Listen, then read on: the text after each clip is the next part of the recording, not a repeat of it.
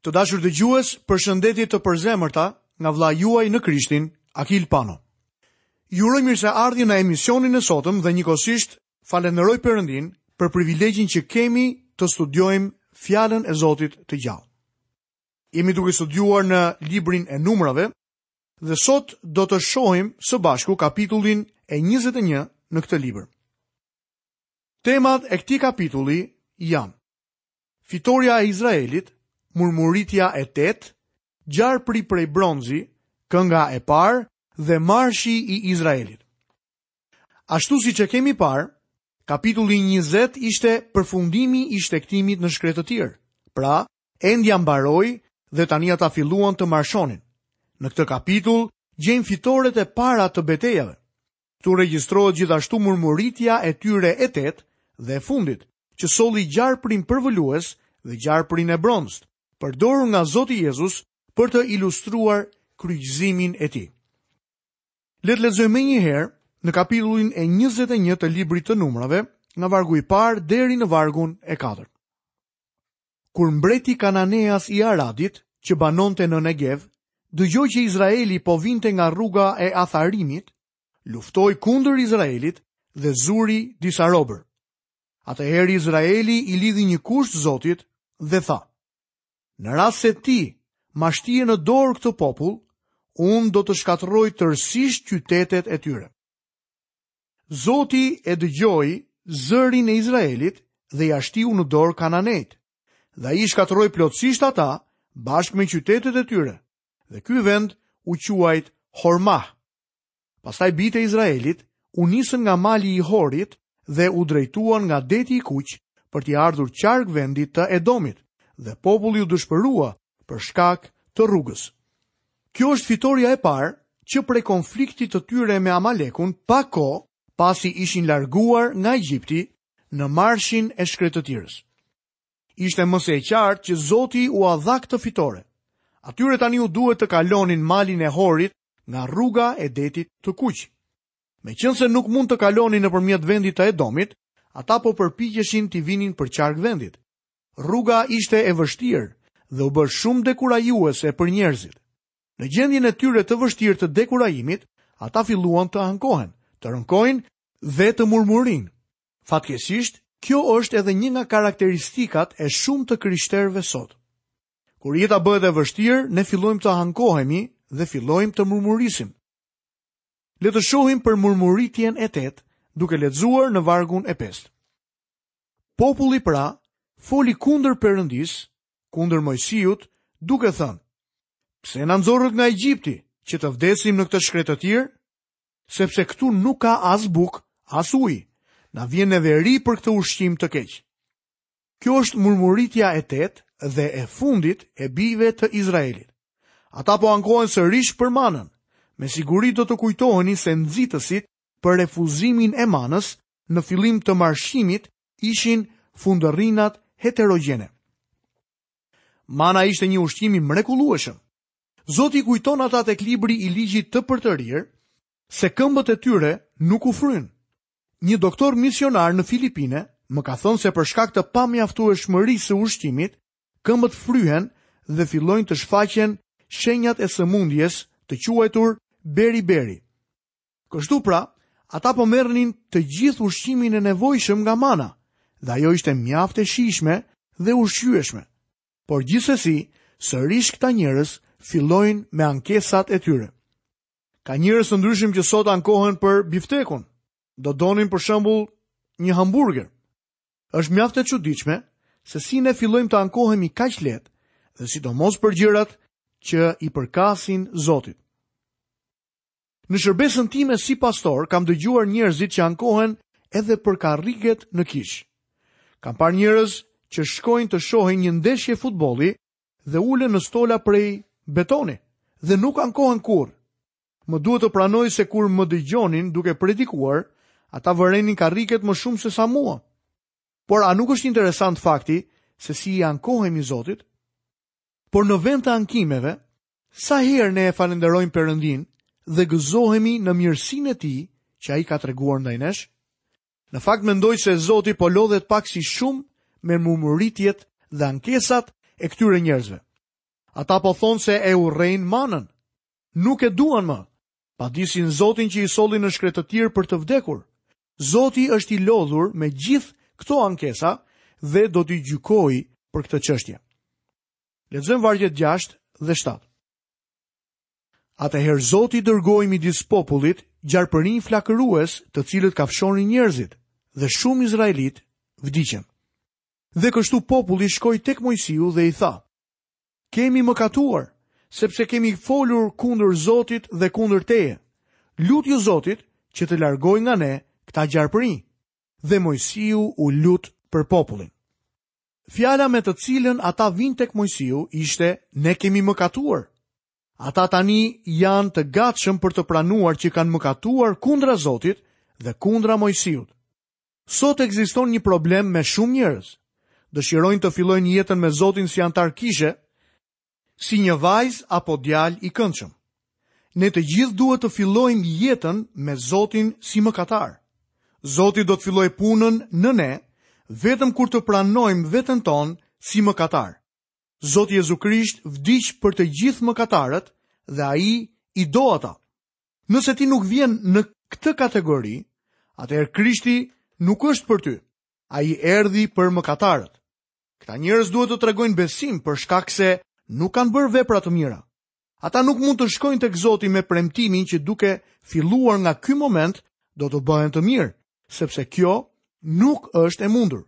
Por ata mund t'i besojnë Zotit dhe ai do t'i lejojë që të vijnë tek ai nëpërmjet besimit. Lexojmë vargjet 8 dhe 9. Pastaj Zoti i tha Mojsiut: Bëj një gjarpër flakërues dhe vëre mbi një shtizë, kështu çdo njeri që do të kafshohet prej tij dhe do ta shikojë, ka për të jetuar.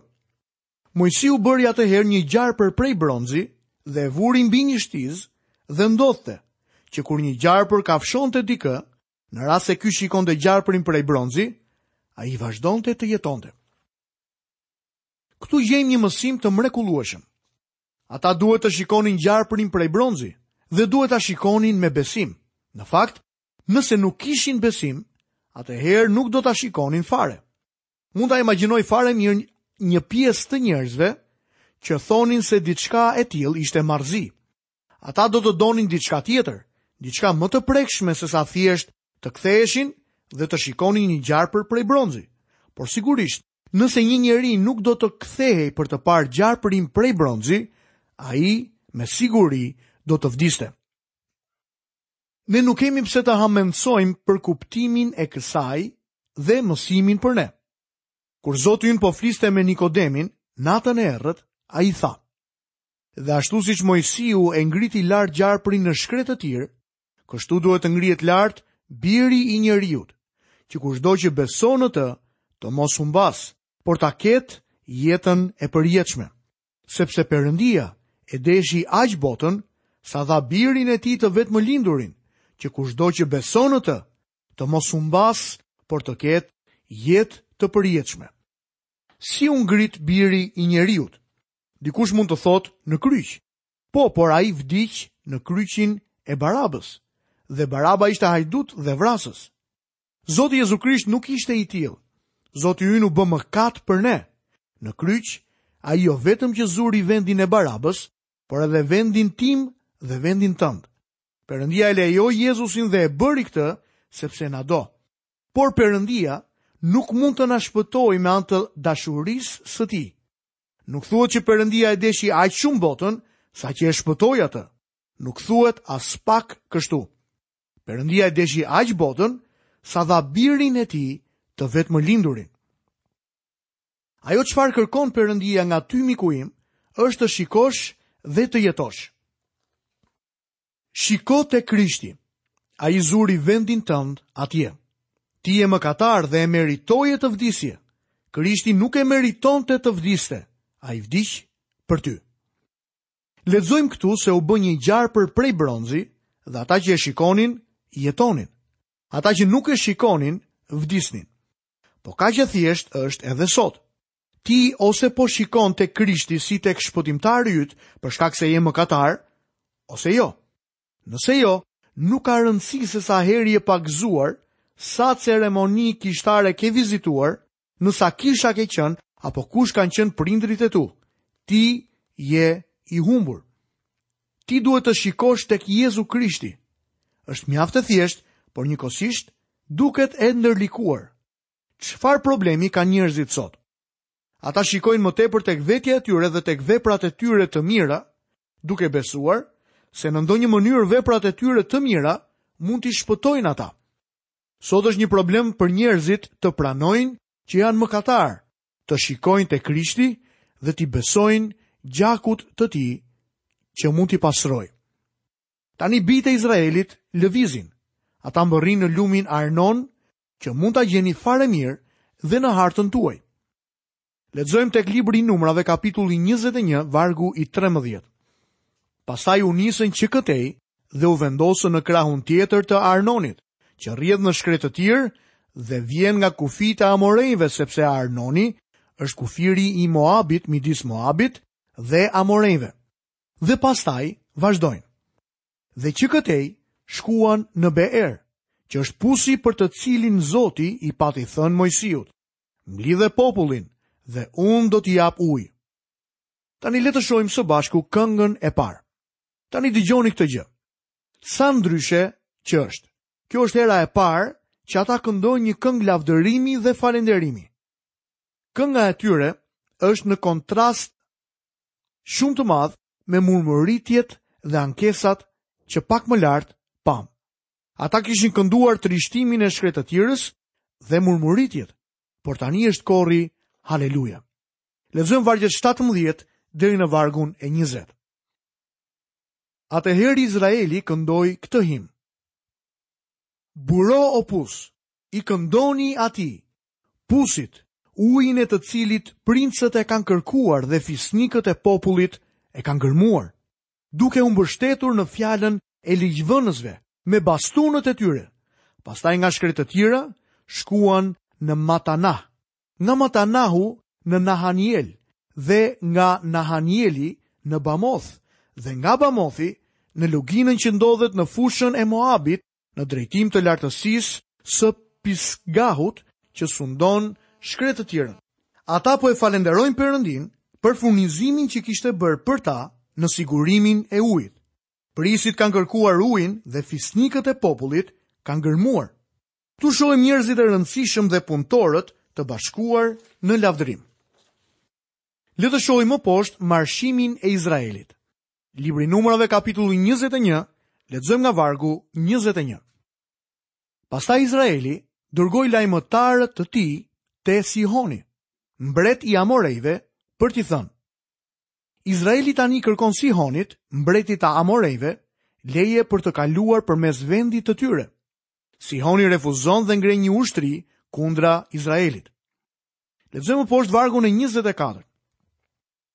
Izraeli e mundi duke e kaluar në majën e shpatës dhe pushtoi vendin e tij nga Arnoni deri në Jakob, deri në kufijtë e bijve të Amonit, sepse kufiri i bijve të Amonit ishte i fortë. Perëndia i dha Izraelit fitore mbi Sihonin. Lexojmë vargun e 33. Pastaj ndryshuan drejtim dhe u ngjitën në rrugën e Bashanit, dhe Ogu mbreti i Bashanit doli kundër tyre me gjithë njerëzit e tij për t'u ndeshur në Edrej. Zoti i tha Moisiut të mos kishte frikë nga Ogu, mbreti i Bashanit. Ata e mundën atë, bijtë e tij dhe tërë popullin e tij, derisa nuk mbeti asnjë i gjallë dhe pushtuan vendin e Bashanit. Bijtë e Izraelit janë duke marshuar, ata po i këndojnë lavde Perëndisë dhe ai është duke u dhënë atyre fitore. Zoti do t'i ndihmojë ata edhe kundër Moabit. Atëherë ata do të jenë gati për të hyrë në tokën e premtuar.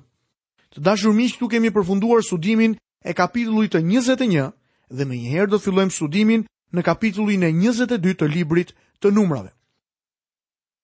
Tema e këtij kapitulli është udha e Balamit.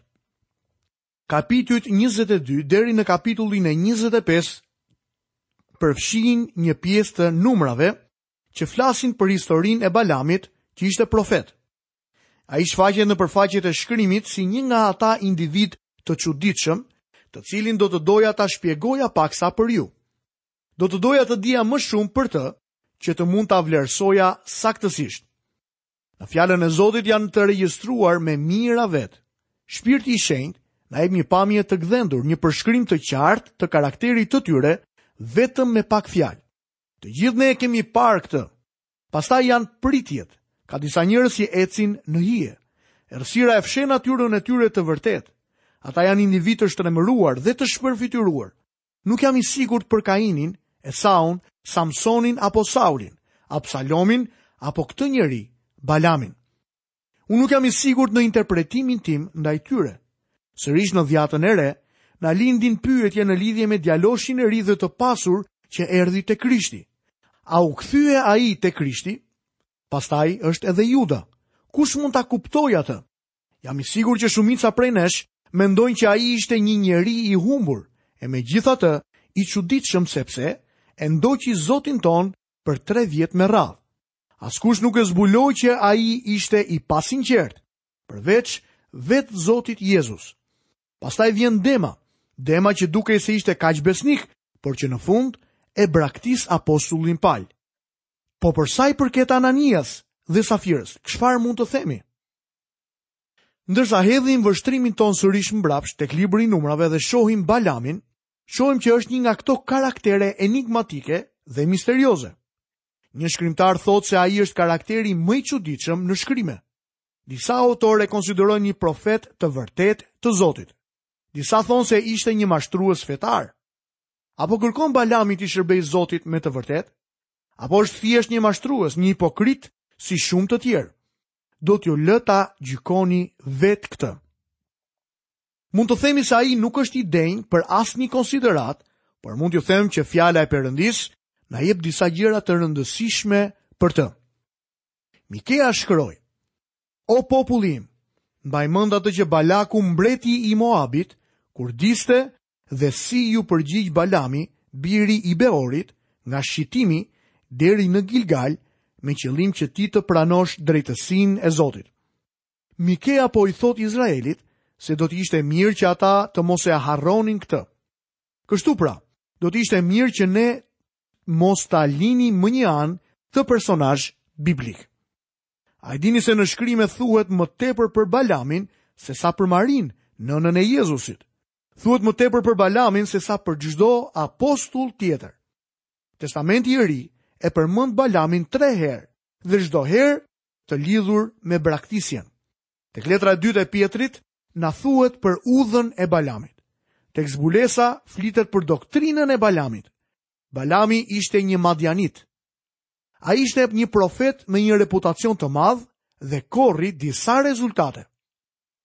Por a ishte ai i sinqertë? Historinë e tij do ta shohim me shumë kujdes në programin e javës së ardhshme. Sot do të doja që ju ta lexoni me vëmendje, të mendoni për të, ndërkohë që nesër do ta shohim me hollësi së bashku. Të dashur miq, nga vëllai juaj në Krishtin Akil Pano, keni të gjitha bekimet e Perëndisë dhe paqen e tij në jetën tuaj. Bashkë mirudëgjofshim në emisionin e ardhshëm për të vazhduar sërish ciklin e emisioneve tona duke studiuar librin e Numrave. Bashkë mirudëgjofshim.